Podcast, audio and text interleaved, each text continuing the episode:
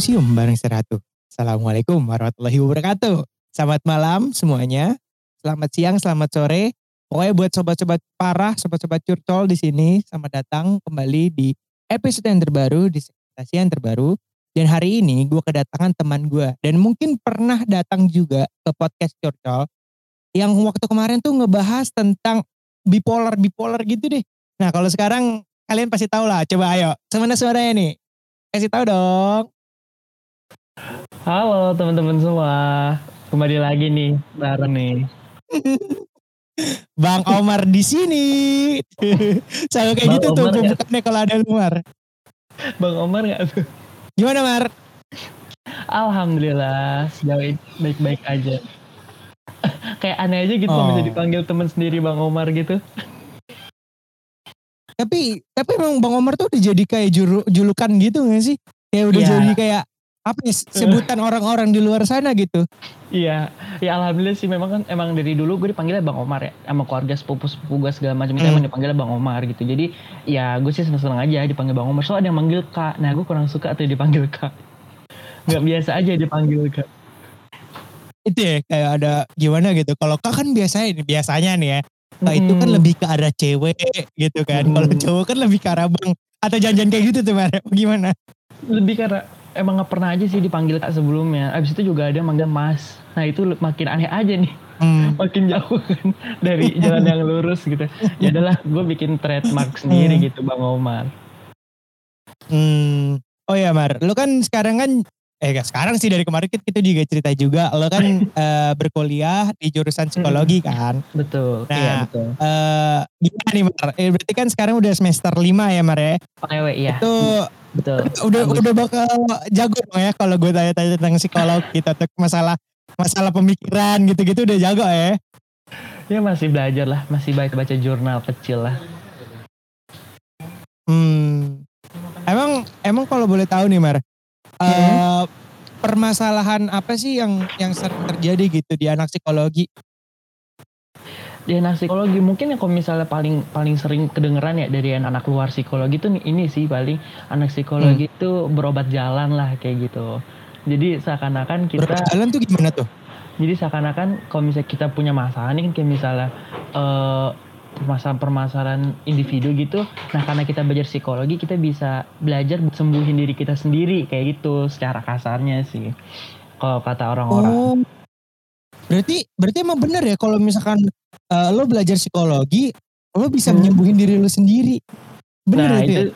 sebenarnya gue apa ya kayak bener nggak bener gitu sih. Sebenarnya kan kalau misalnya memang dia ada kata sembuh kan berarti awalnya sakit nih gitu. Nah sedangkan kalau misalnya Mhm. memang ada sakit atau gangguan itu yang bisa nolong ya Hmm. cuman profesional sebenarnya nggak nggak nggak kayak kita nih ece ece cere pinggiran keset kamar mandi gitu nggak bisa Waduh, tulisannya welcome gitu ya. iya nah, kayak gitu gitu memang kalau misalnya untuk Hmm. nyembuhin ya memang soalnya profesional bukannya kit diri Hmm. kita sendiri kayak gitu Ban- dengan bantuan Hmm. profesional ya Tapi kalau misalkan permasalahan yang di dalam diri sendiri gitu, kayak mungkin Mhm. banyak banget nih orang-orang yang di luar sana sama lah kayak kayak dan apalagi kita masa remaja gitu kan banyak banget Hmm.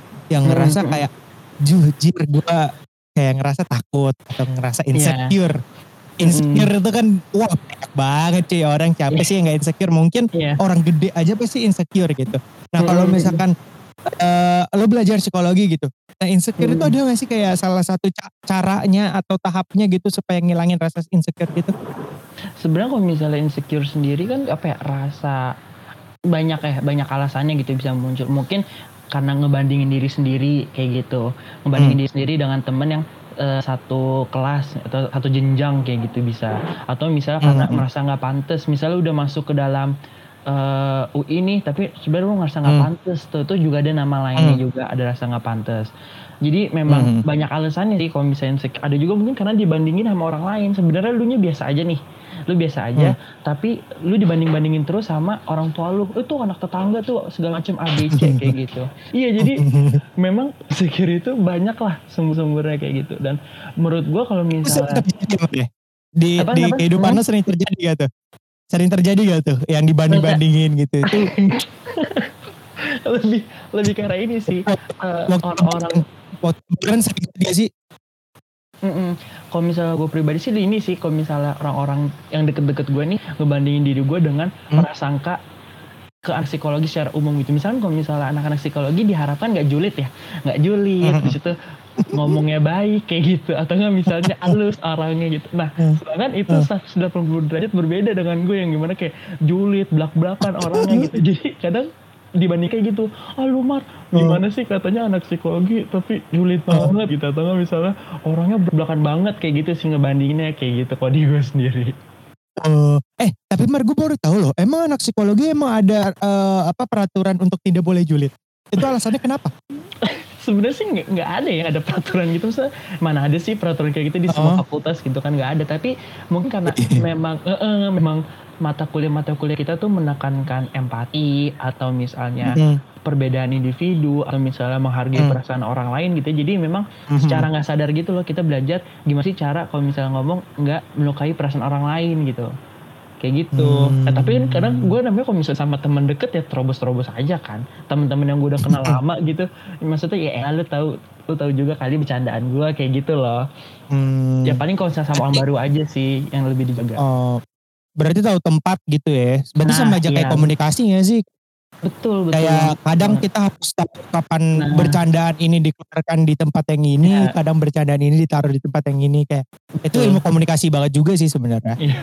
gitu Nah, sih Tapi Kayak gitu. ngomongin soal ngomongin soal insecure nih Mar. Lu Hmm.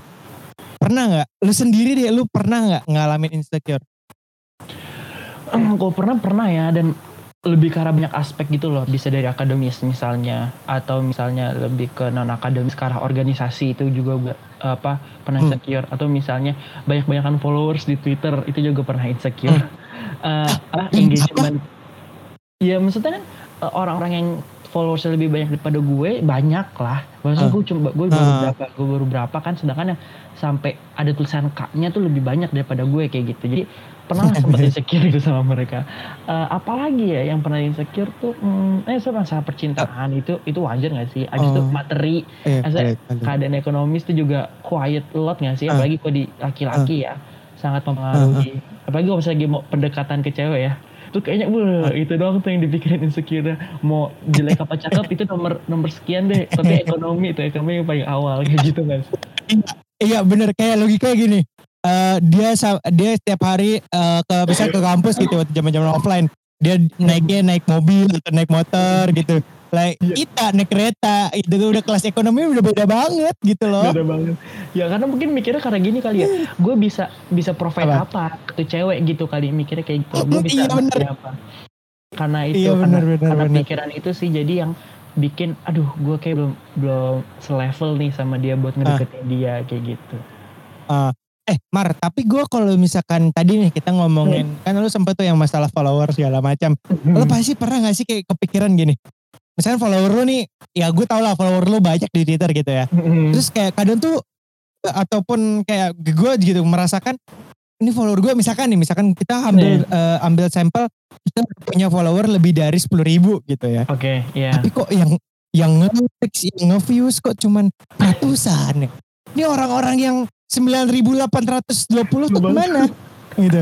Pernah gak ngerasa kayak gitu? pernah banget sih pernah banget. Jadi sering banget. Kayak misalnya gue memang bikin tulisan sampai gue riset ya. Maksudnya gue sampai baca-baca jurnal psikologi gitu. Likes-nya tuh kayak cuman 200 likes-nya cuman 50 kayak gitu. Sedangkan ada beberapa thread Twitter gitu yang gue bikin dadakan. Maksudnya benar-benar spontan gue nggak bikin apa-apa.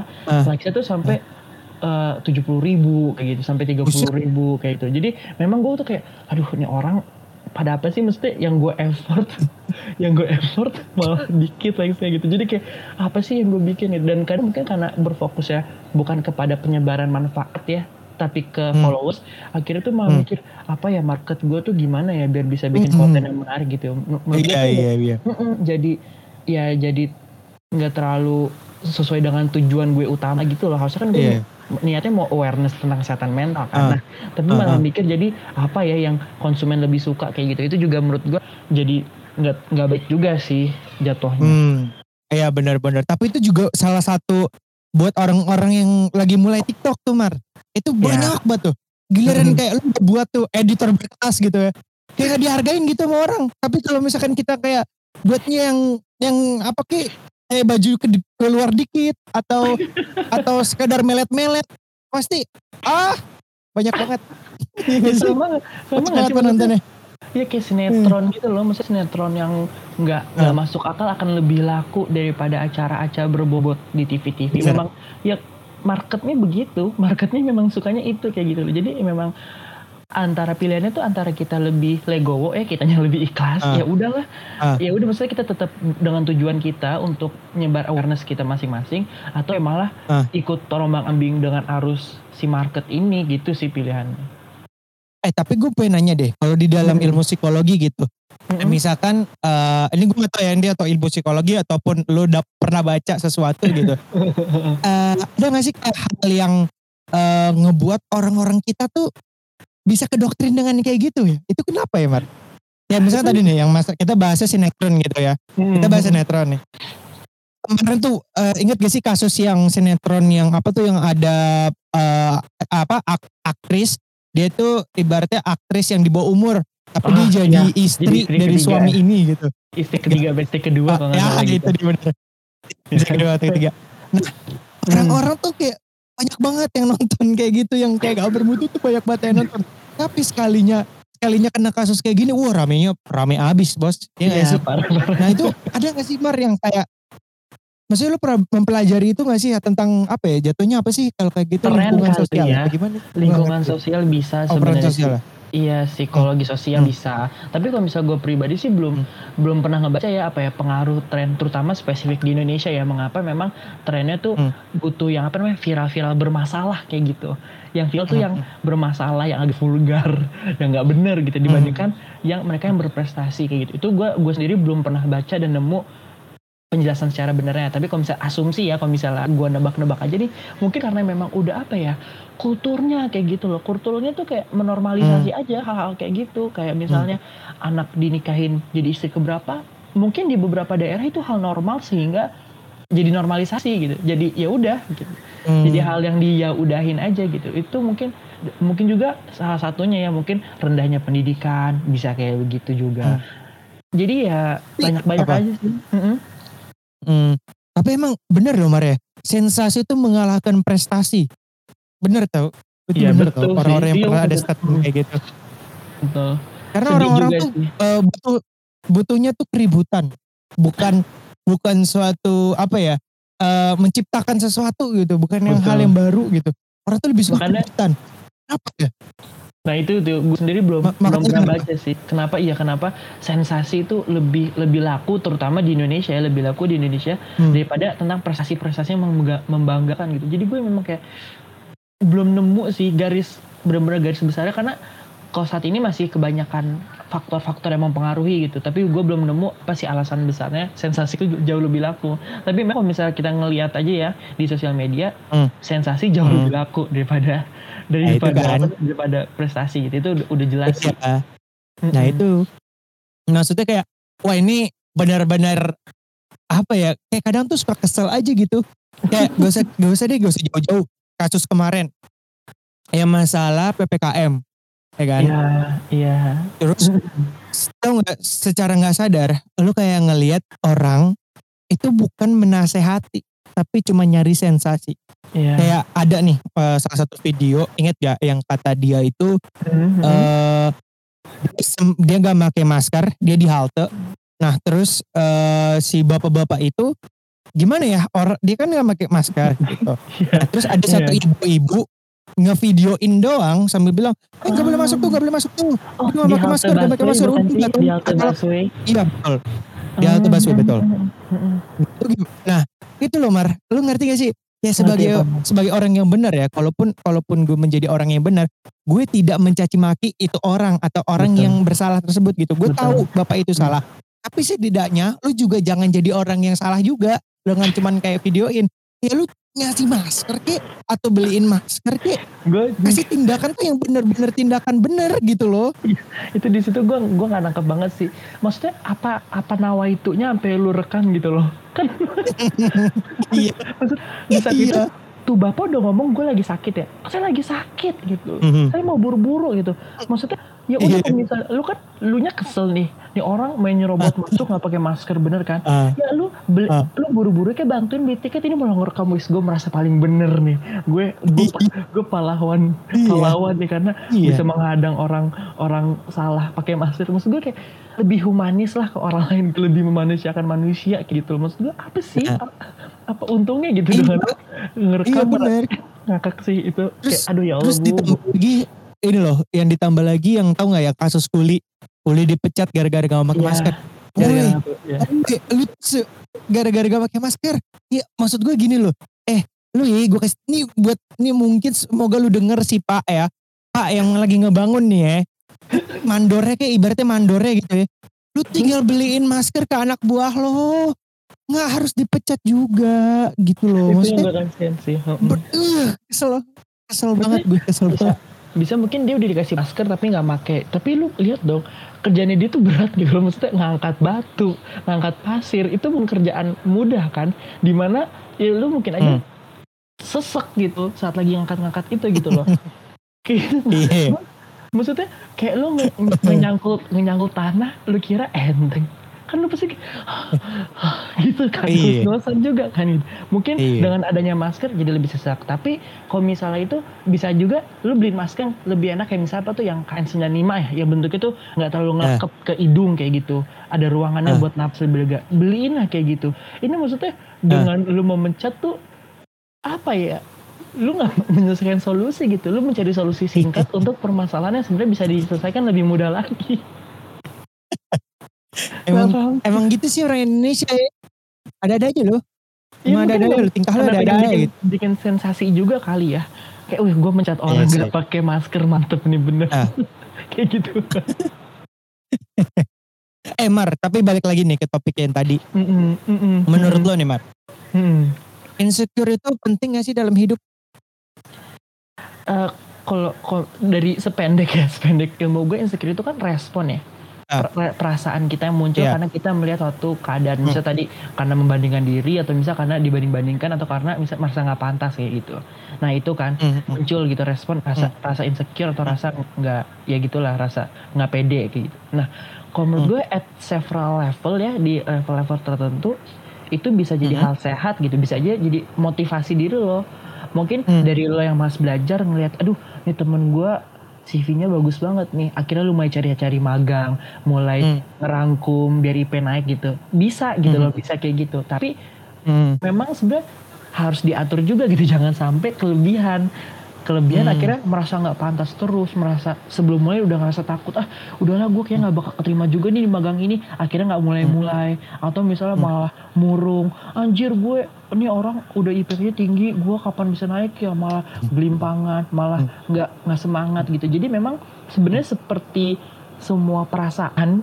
di di dalam tubuh kita insecure itu akan baik jika ada kadar normalnya kayak gitu. Misal rasa seneng, rasa seneng pun kalau berlebihan nggak baik juga gitu kan. Rasa sedih juga kalau misalnya Bener-bener. Hmm, rasa sedih pun juga kalau, kalau berlebihan nggak baik gitu. Rasa marah kalau berlebihan nggak baik itu kalau misalnya di kadar yang batas normal, ya itu namanya manusia memang ada responnya gitu dan harus disalurkan dengan Hmm. benar kayak gitu biar biar eh, apa namanya biar nggak numpuk di dalam tubuh kita. Malah itu nggak sehat kalau dibiarkan numpuk gitu kan.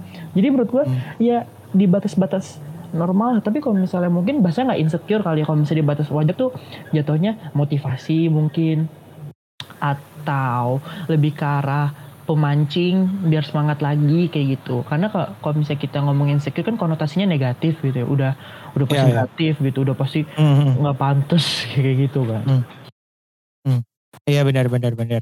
Dan gue pernah dengar dari nggak tahu gue video di mana. Mungkin eh, oh ini videonya eh, ada di ininya Raffi waktu itu ditanya Mhm. eh, ke Keanu, ditanya ke Keanu gitu. Eh, sempat tuh eh, si Nagita kalau nggak salah Nagita Slavina nanya gini ke Keanu. Eh, eh no, men- lu eh, insecure penting gak sih gitu kan? Terus kata dia gini, ya penting lah. Gitu, sambil marah-marah gitu kan, nadanya kayak gitu. Iya. ya penting lah Bah. lu kalau misalkan uh, emang lu gendut lu dikatain gendut ya udah emang lu gendut dan lu harus kurus gitu jangan jangan lu kayak in- langsung insecure terus lu jadi jadi kayak uh, sok-sok yang emang gue gendut ya jangan ya lu udah kayak gitu ditahu disuruh gendut apa dikatain gendut ya lu juga harus kurus kayak gitu jadi bener sih kayak intinya pada dasarnya ya lu insecure tuh nggak apa-apa asal lu jangan berlebihan itu Iya. bener kan Mar ya Ya jangan berlebihan terus juga pastikan fokusnya itu ke diri lo Wah. dulu gitu loh. Fokusnya ke diri lo sendiri. Misalnya kayak gini, Hmm. eh oh, lu tuh gendut deh gitu Gimana? ya, insecure gitu kan jadinya insecure. Hmm, hmm. Akhirnya oke Hmm. gue harus kurus biar badan gue sehat, Hmm. biar badan gue kurus itu bukan Hmm. oh biar orang-orang suka ke gue. Nah jadi pastikan insecure Hmm. itu tuh eh, outputnya hasil akhirnya itu adalah ke diri lo sendiri gitu. Aduh nih orang IPK-nya tinggi banget. Udah deh gue harus bisa juga nih IPK-nya naik. Bukannya oh biar gue bisa kayak dia gitu. Oh. Jadi jangan sampai oh berarti Hmm, gimana? hmm.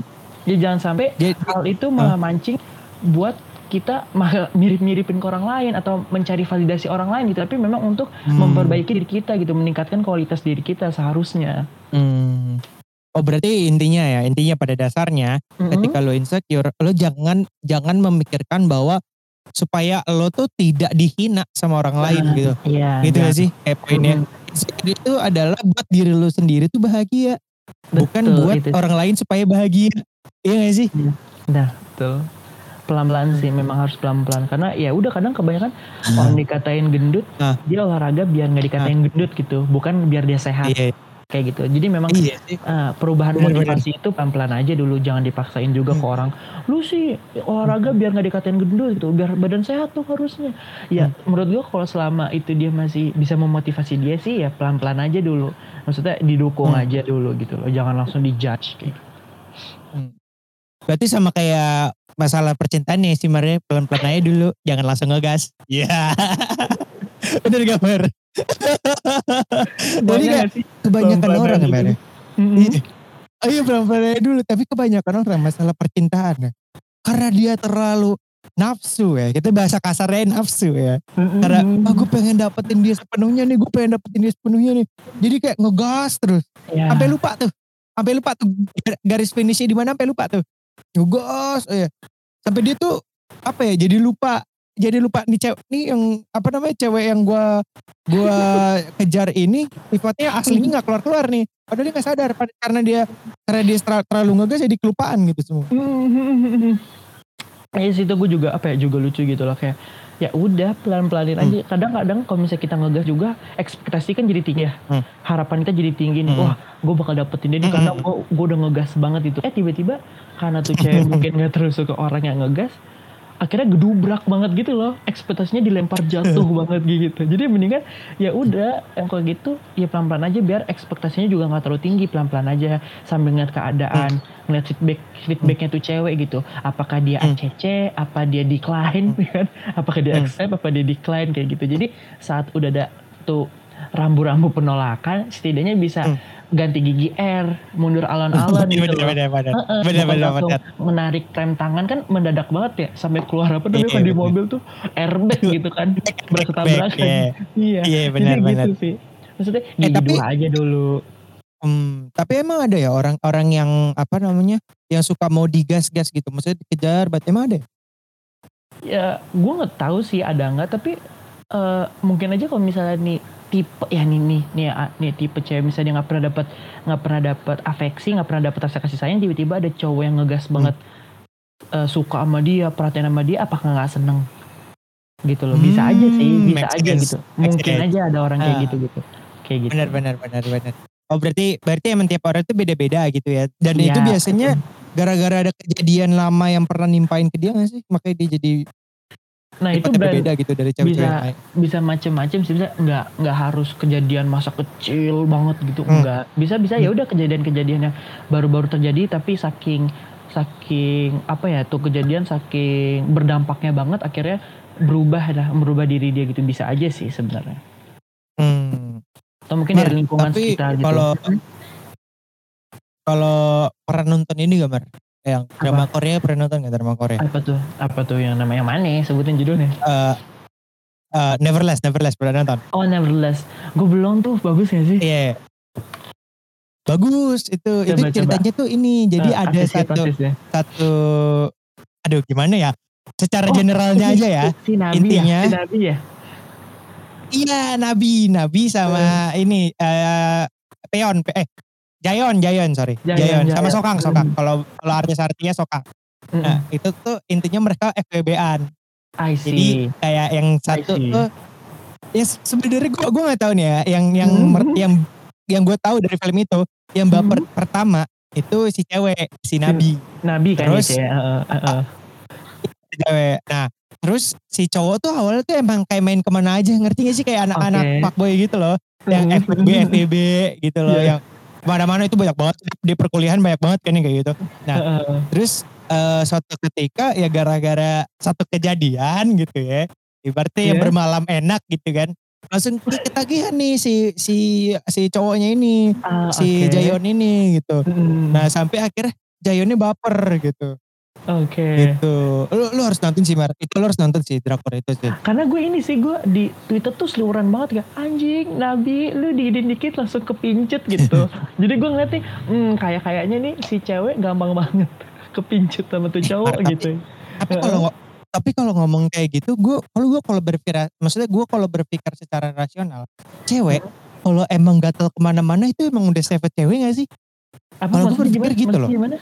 Kalau udah gak cewek. misalkan gat maksudnya gatel gitu gatel tuh kayak ibaratnya genit gitu itu Ah, udah ah, kayak sifat cewek gak sih ya udah pasti sifat cewek tuh genit gitu loh nggak tahu sih mungkin. kayak ibaratnya Heeh. ada- ini gue gue cuman sekedar eh, beropini aja sih kayak misalkan cowok nih Mm-mm. cowok kalau misalkan pada dasarnya cowok tuh ya semua cowok tuh kayak pemberani maksudnya pemberani dalam arti lebih berani daripada cewek gitu Mm-mm. ya, kayak kayak gitulah nah genit itu kan kayak udah dari dasarnya cewek gak sih kayak gitu kalau menurut lu gimana Kalau menurut gue mungkin itu karena ini kali ya, memang udah ditanamin aja gitu ke kita dari dulu. Kalau misalnya tadi kayak cowok itu harus pemberani dibandingkan cewek dan kalau cewek itu bisa Ah. harus lebih lebih genit lah daripada cowok ke cewek Iya. gitu. Mungkin tuh karena Aha. sebenarnya kan itu kan sifat ya. Sedangkan sifat kan nggak ada penentunya kan. Maksudnya gue nggak tahu nih iya sih pemberani itu di, di apa namanya pemberani itu di ditimbulkan oleh hormon apa gue nggak tahu genit itu ditimbulkan oleh hormon apa gitu secara biologis gue nggak tahu gitu kan Hmm. jadi kemungkinan hal Hmm. inilah bentukan sosial aja kayak gitu loh lu tuh jadi cowok harus berani Hmm. gitu masa kayak gini aja takut gitu dari hal, -hal kecil itu akhirnya tumbuh pemikiran oh iya kok cowok harus berani dan ini nggak di generasi kita doang tapi turun temurun dari generasi-generasi atas kita dan kemungkinan akan turun juga ke generasi-generasi bawah kita kayak gitu. Kalau cewek tuh harus lebih lebih kalem, lebih genit kayak gitu. Hmm. Jadi sebenarnya Nah, kalau sifat-sifat itu apa? kan nggak ada nggak ada penentunya ya, nggak ada nggak ada yang mengeluarkan gitu loh, nggak ada pemicu Hmm. alamiahnya Hmm. gitu. Itu berarti memang secara sosial di, dibentuk kayak gitu. Nah, itu juga jadi salah satu main topik apa pembahasan juga topik kita yang di awal sih Mar insecure. Banyak orang, Mm-mm. banyak banget orang karena Mm. sifatnya itu kayak kayak tadi gue bilang gitu. Kayak Hmm. laki-laki nih misalkan harus lu pemberani, lu begini begini begini. Iya, Kadang tuh jadi kayak oh dia kayak lebih berani ya dibanding Ya. gue ya. betul. Oh dia oh dia kayaknya lebih lebih kalem ya. Kayaknya gue Mm-mm. salah deh. Iya. Jadi jadi begini begini begini. Mm-mm. Jadinya kayak takut gue ngungkapin bahwa aslinya dia tuh kayak gini loh. Nah Iya. sebenarnya itu kan insecure banget kan. Itu insecure banget. Nah kalau misalkan pandangan lu gitu Mar. Ini kan sesuai banget nih pandangan lu nih Mar. Kalau Nah, gue ngambil Gimana sih ya, Mar? dari masalah yang ekonomi ya, Ah. ekonomi satu Ah. lagi PDKT ke cewek. Menurut gue Ah. kenapa cowok itu insecure ke ekonomi karena pemikiran bahwa uh, cowok harus menafkahi cewek satu dan nikah. Oke. Datang dari hal itu, pada akhirnya saat pacaran-pacaran pun terbawa pikiran gitu. Pokoknya nanti kalau misalnya pacaran ya gue harus bisa memprovide cewek gue. Dan Hmm. ini pun akhirnya bertambah lagi. Kalau misalnya lagi ngedate, semua Hmm. semua pengeluaran harus dibayarin cowok.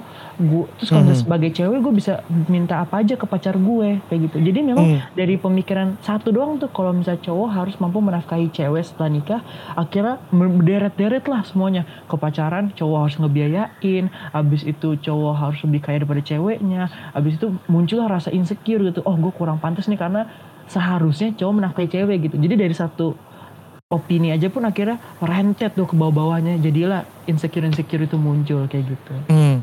Berarti emang gak ada solusinya ya Mar? Maksudnya eh hal-hal kayak gitu sebenarnya berarti bisa dibilang ya kayak insecure itu gak apa-apa gitu. Ya gak sih? Kalau misalnya kita tadi balik konteks yang kayak tadi ya. Ya, misal kalau misal untuk eh, untuk solusinya perlahan sih me, apa namanya uh, ganti pola pikir gitu. Misalnya kalau misalnya lagi date oke okay deh first date cowok ngebayarin gitu. Tapi untuk the uh. next date gitu ya udah kalau misalnya mau split bill oke okay lah split bill. Atau kan misalnya kalau misalnya uh. mau gantian nih ceweknya ngerasa pengen bayarin ya udahlah bayarin. Makanya itu kan apa ada uh, pemikiran-pemikiran kok ya udah kalau misalnya cewek mau bayarin kenapa dilarang gitu? Kenapa harus cowoknya maksa ngebayarin di ngebayarin ngebayarin semua semuanya gitu padahal padahal ceweknya okay. juga seneng ngetraktir tuh cowok kayak hmm. gitu dan ada hmm. juga mungkin saking udah apa ya pemikiran yang makin ekstrim lagi itu ya udah nggak apa-apa kalau misalnya cowoknya ekonominya di bawahnya itu cewek asalkan si cewek mau menerima kayak gitu loh. Tapi tentu sebagai cowok kita pasti pengen lah nge-provide yang terbaik hmm. sih buat cewek kita. Betul, gitu. betul, betul, gue setuju, gue setuju. Jadi nah, ya itu, apa uh, sih yang bisa bikin lo semangat memperbaiki diri lo gitu loh. Mungkin saat ini lagi, misalnya lagi susah gini. Apa sih yang bikin lo semangat cari magang, cari kerja sehingga uh, lo bisa nabung, sehingga lo bisa provide ke cewek lo gitu. Jadi gue balik lagi apa yang bisa uh, membuat lo semangat untuk memper, memperbaiki diri lo sendiri gitu, mengembangkan diri lo ke optimum uh, potensi yang lo miliki kayak gitu kok dari gue sih. Hmm betul betul betul. Nah Mar, uh, ini uh, apa ya bisa dibilang pertanyaan terakhir nih dari gue. Hmm, hmm, hmm, ada gak sih kayak salah satu bukan salah satu sih lebih tepatnya ada gak sih pesan uh, buat orang-orang nih yang sekarang tuh wah orangnya insecure banget, insecure banget gitu. Kan pasti banyak tuh, banyak banget dan apa pun alasannya gitu.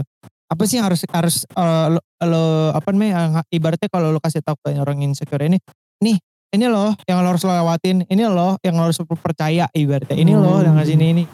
Ada gak sih Sebenarnya kan tadi ya kita kita ngomongin sepanjang lama aja tuh insecure beraneka macam. Ada yang tadi insecure fisik, insecure ekonomi, habis itu apalagi insecure akademis kayak gitu ya. Nah, menurut gue setiap insecure itu punya eh, Mar, Mar, Mar, Mar. Sorry Mar. Ya? Sorry Mar. Uh, sorry potong. Itu suara lu kayak robot Mar. Oh, kalau sekarang lagi jelek ya? Sekarang gimana masih? Ah, daman, daman. Oke, okay, iya. Tadi gue bilang ke insecure itu tuh beraneka macam kan tadi ada yang insecure ekonomi ah. lah, insecure akademis, ada insecure percintaan, ah. ada insecure fisik ah. kayak gitu. Nah, setiap insecure ah. itu punya punya apa namanya punya penyelesaian masing-masing kalau menurut gue. Tapi ah. kalau bisa memang, ah. memang untuk utamanya adalah puasa sosmed sih menurut gue ya. Dan apa ya lebih ke arah karena saat ini kan sosmed memang tempatnya personal branding banget ya. Berasa nggak sih? Betul. Kayak, benar benar banget. Iya semua semuanya gitu. Lu working ah. out lu posting, lu uh. abis dapat apa sertifikasi apa lu posting. Hmm. lu ikut betul, acara betul. apa posting. posting lu abis bikin bisnis apa posting gitu. Jadi memang dulu uh. tuh makanya uh, makanya gini kan makanya gini kan Alde Tahir ada hashtag rekam posting. Nah bener gak iya aja iya bener juga. Gue baru sadar. Iya. Iya bener, kan iya. Iya. Bener banget. Terus terus terus. Jadi memang itu gitu. Kalau kalau misalnya insecure ini lagi meningkat gitu ya hmm. dan lu belum makin rasa makin parah at least hmm. puasa dulu deh sosmed gitu untuk kembali menenangkan hmm. diri lo biar nggak hmm. ngelihat hal-hal yang bikin lo insecure gitu. Hmm. Nah setelah betul, itu gimana? Setelah itu kan itu cuma sesaat ya. Nanti saat lo ya. buka HP lagi ya kembali lagi insecure gitu. Nah sekarang kalau menurut gue ya bagaimana lo mengenali diri lo sendiri gitu. Bagaimana usaha lo untuk mencapai ke tadi potensi optimal yang seharusnya lo miliki gitu. Misalnya tadi ya dikatain gendut gitu sebenarnya hmm. badan lo badan lo mampu loh bisa jadi kurus hmm. gimana caranya ya mungkin dengan olahraga dengan diet kayak gitu atau hmm. misalnya uh, potensi lo sebenarnya oh sebenarnya tuh gue mampu loh kayak gini tapi hmm. masih takut lawan rasa takutnya hmm. mulai hmm. daftar lomba misalnya lu lu dari dulu bisa pengen lomba gitu daftar lomba atau nggak misalnya eh si Edo nih udah bikin podcast kayaknya seru bikin hmm. podcast bikinlah sendiri hmm. podcast mulailah konten kreator lewat sosmed yang lu miliki bikinlah apa namanya hmm. rencana-rencana perharinya mau kayak gimana gitu jadi menurut gue setelah puasa sosmednya fokus ke diri lo apa sih yang ingin lo kembangkan karena memang hmm. kesehatan balik ya ke, ke arah kesehatan mental salah satu aspek hmm. kesehatan mental itu adalah mengenali potensi diri sendiri dan kekurangan diri sendiri Mantap. jadi itu itu yang harus harus kita apa namanya harus kita pahami gitu dan kalau misalnya hmm. saat kita ngeliat kelebihan orang lain nih wah kerennya sekarang dia udah bisa S2 uh, lulus dalam lima tahun udah S2 gitu. Lihat lagi uh. ke diri oh ya kekurangan gue memang gue aja masuknya kelas reguler gitu bukannya kelas uh, uh, ya nggak usah nggak uh, usah bingung orang kenapa lima tahun bisa S2 lu aja masuknya yeah, kelas yeah, reguler yang emang kudu empat tahun bener, lulus bener. gitu loh kok lu kok lu merasa insecure aneh-aneh aja hidup lu kayak gitu atau mungkin lihat juga oh ya memang S2 misalnya mahal kayak gitu dan uh. Perlu persiapan juga kan maksudnya tes simak kan berarti kalau misalnya S2 gitu. Jadi memang uh. ya udah lihat lihat ke arah diri lo sendiri lo. Mungkin memang ada uh. kekurangan yang akhirnya nge ngebuat lo nggak bisa sampai ke ke orang lain gitu dan apa ya uh, sebenarnya mungkin kalau diomongin gampang ya ya udahlah stop aja ngebandingin diri yeah. stop jangan ini ini yang uh. susahnya itu praktik gitu berarti selanjutnya setelah lu puasa sosmed lu fokus ke diri lu sendiri adalah pelan pelan aja dulu mulainya hmm. Semua okay. itu ya pelan pelan karena ya udah per hari aja dulu bikin progres pelan pelan hmm. maksudnya kita semua pengen gak sih berubah ke hal yang lebih baik tapi kalau misal uh, perubahan itu nggak bisa cepet-cepet gitu. Namanya kita juga manusia, banyak yang ngaruhin kan ya udah pelan-pelan aja dulu. Nikmatin gitu loh prosesnya, proses Asik. proses proses usahanya kayak gitu. Uh, uh, Setuju sih gue. By the way, uh, sekali lagi gue mau berterima kasih Mark, berterima kasih tiga kali mungkin ya. Asik Waktu itu kan udah pernah tuh yang podcast sebelumnya ya masalah bipolar, terus bipolar tadi di awal gue ya, uh, Terus yang sekarang juga mau berterima kasih dan yang terakhir juga mau terima kasih. Ya apa ya dari gue makasih banget juga karena apa ya ketika orang udah mau berbagi pengalaman, berbagi cerita, berbagi informasi mm-hmm. itu sangat berat loh untuk ngasih tahu yeah. ke orang-orang banyak maupun yeah. orang orang terdekat aja itu kadang suka kayak aduh gue cerita ke dia nggak ya? Cerita ke dia nggak ya? Karena lo harus ngelawan dulu diri lo sendiri. Sama yeah. kayak tadi yang lo bilang kalau misalkan lo udah bisa ngelawan diri lo sendiri ketika lo uh, udah bisa tersebut ya lu bakal gue mau ke siapa aja mau ke ya, siapa aja udah bakal lebih tenang aja gitu. Uh, dan sebenarnya gue mikir gini Oke, sih saat gue saat gue sharing tentang hal-hal terburuk gue itu gue mikir gini sebenarnya hmm. banyak loh orang-orang yang, yang mungkin aja mengalami hal yang sama ya tapi mereka tuh ngerasa hmm. sendirian gitu ya gue di sini menggunakan hmm. platform yang lu berikan ya supaya hmm. orang-orang yang mendengarkan itu mereka nggak merasa sendirian gitu pada akhirnya hmm. oh iya ya benar juga si Omar tuh juga ngerasain ngerasain hal ini loh. Berarti ya udah gue hmm. juga bisa bangkit kayak yang Omar lakukan kayak gitu. Itu yang yang gue harapkan ya. Output yang gue harapkan kayak gitu. Jadi orang lain nggak merasa sendirian, nggak merasa berjuang sendirian karena pada akhirnya kita bareng-bareng kok di sini. Asik, keren banget. Asik. Makasih loh Omar sekali lagi. Sama-sama. Makan ikan sama Naski. Sekian dan terima kasih.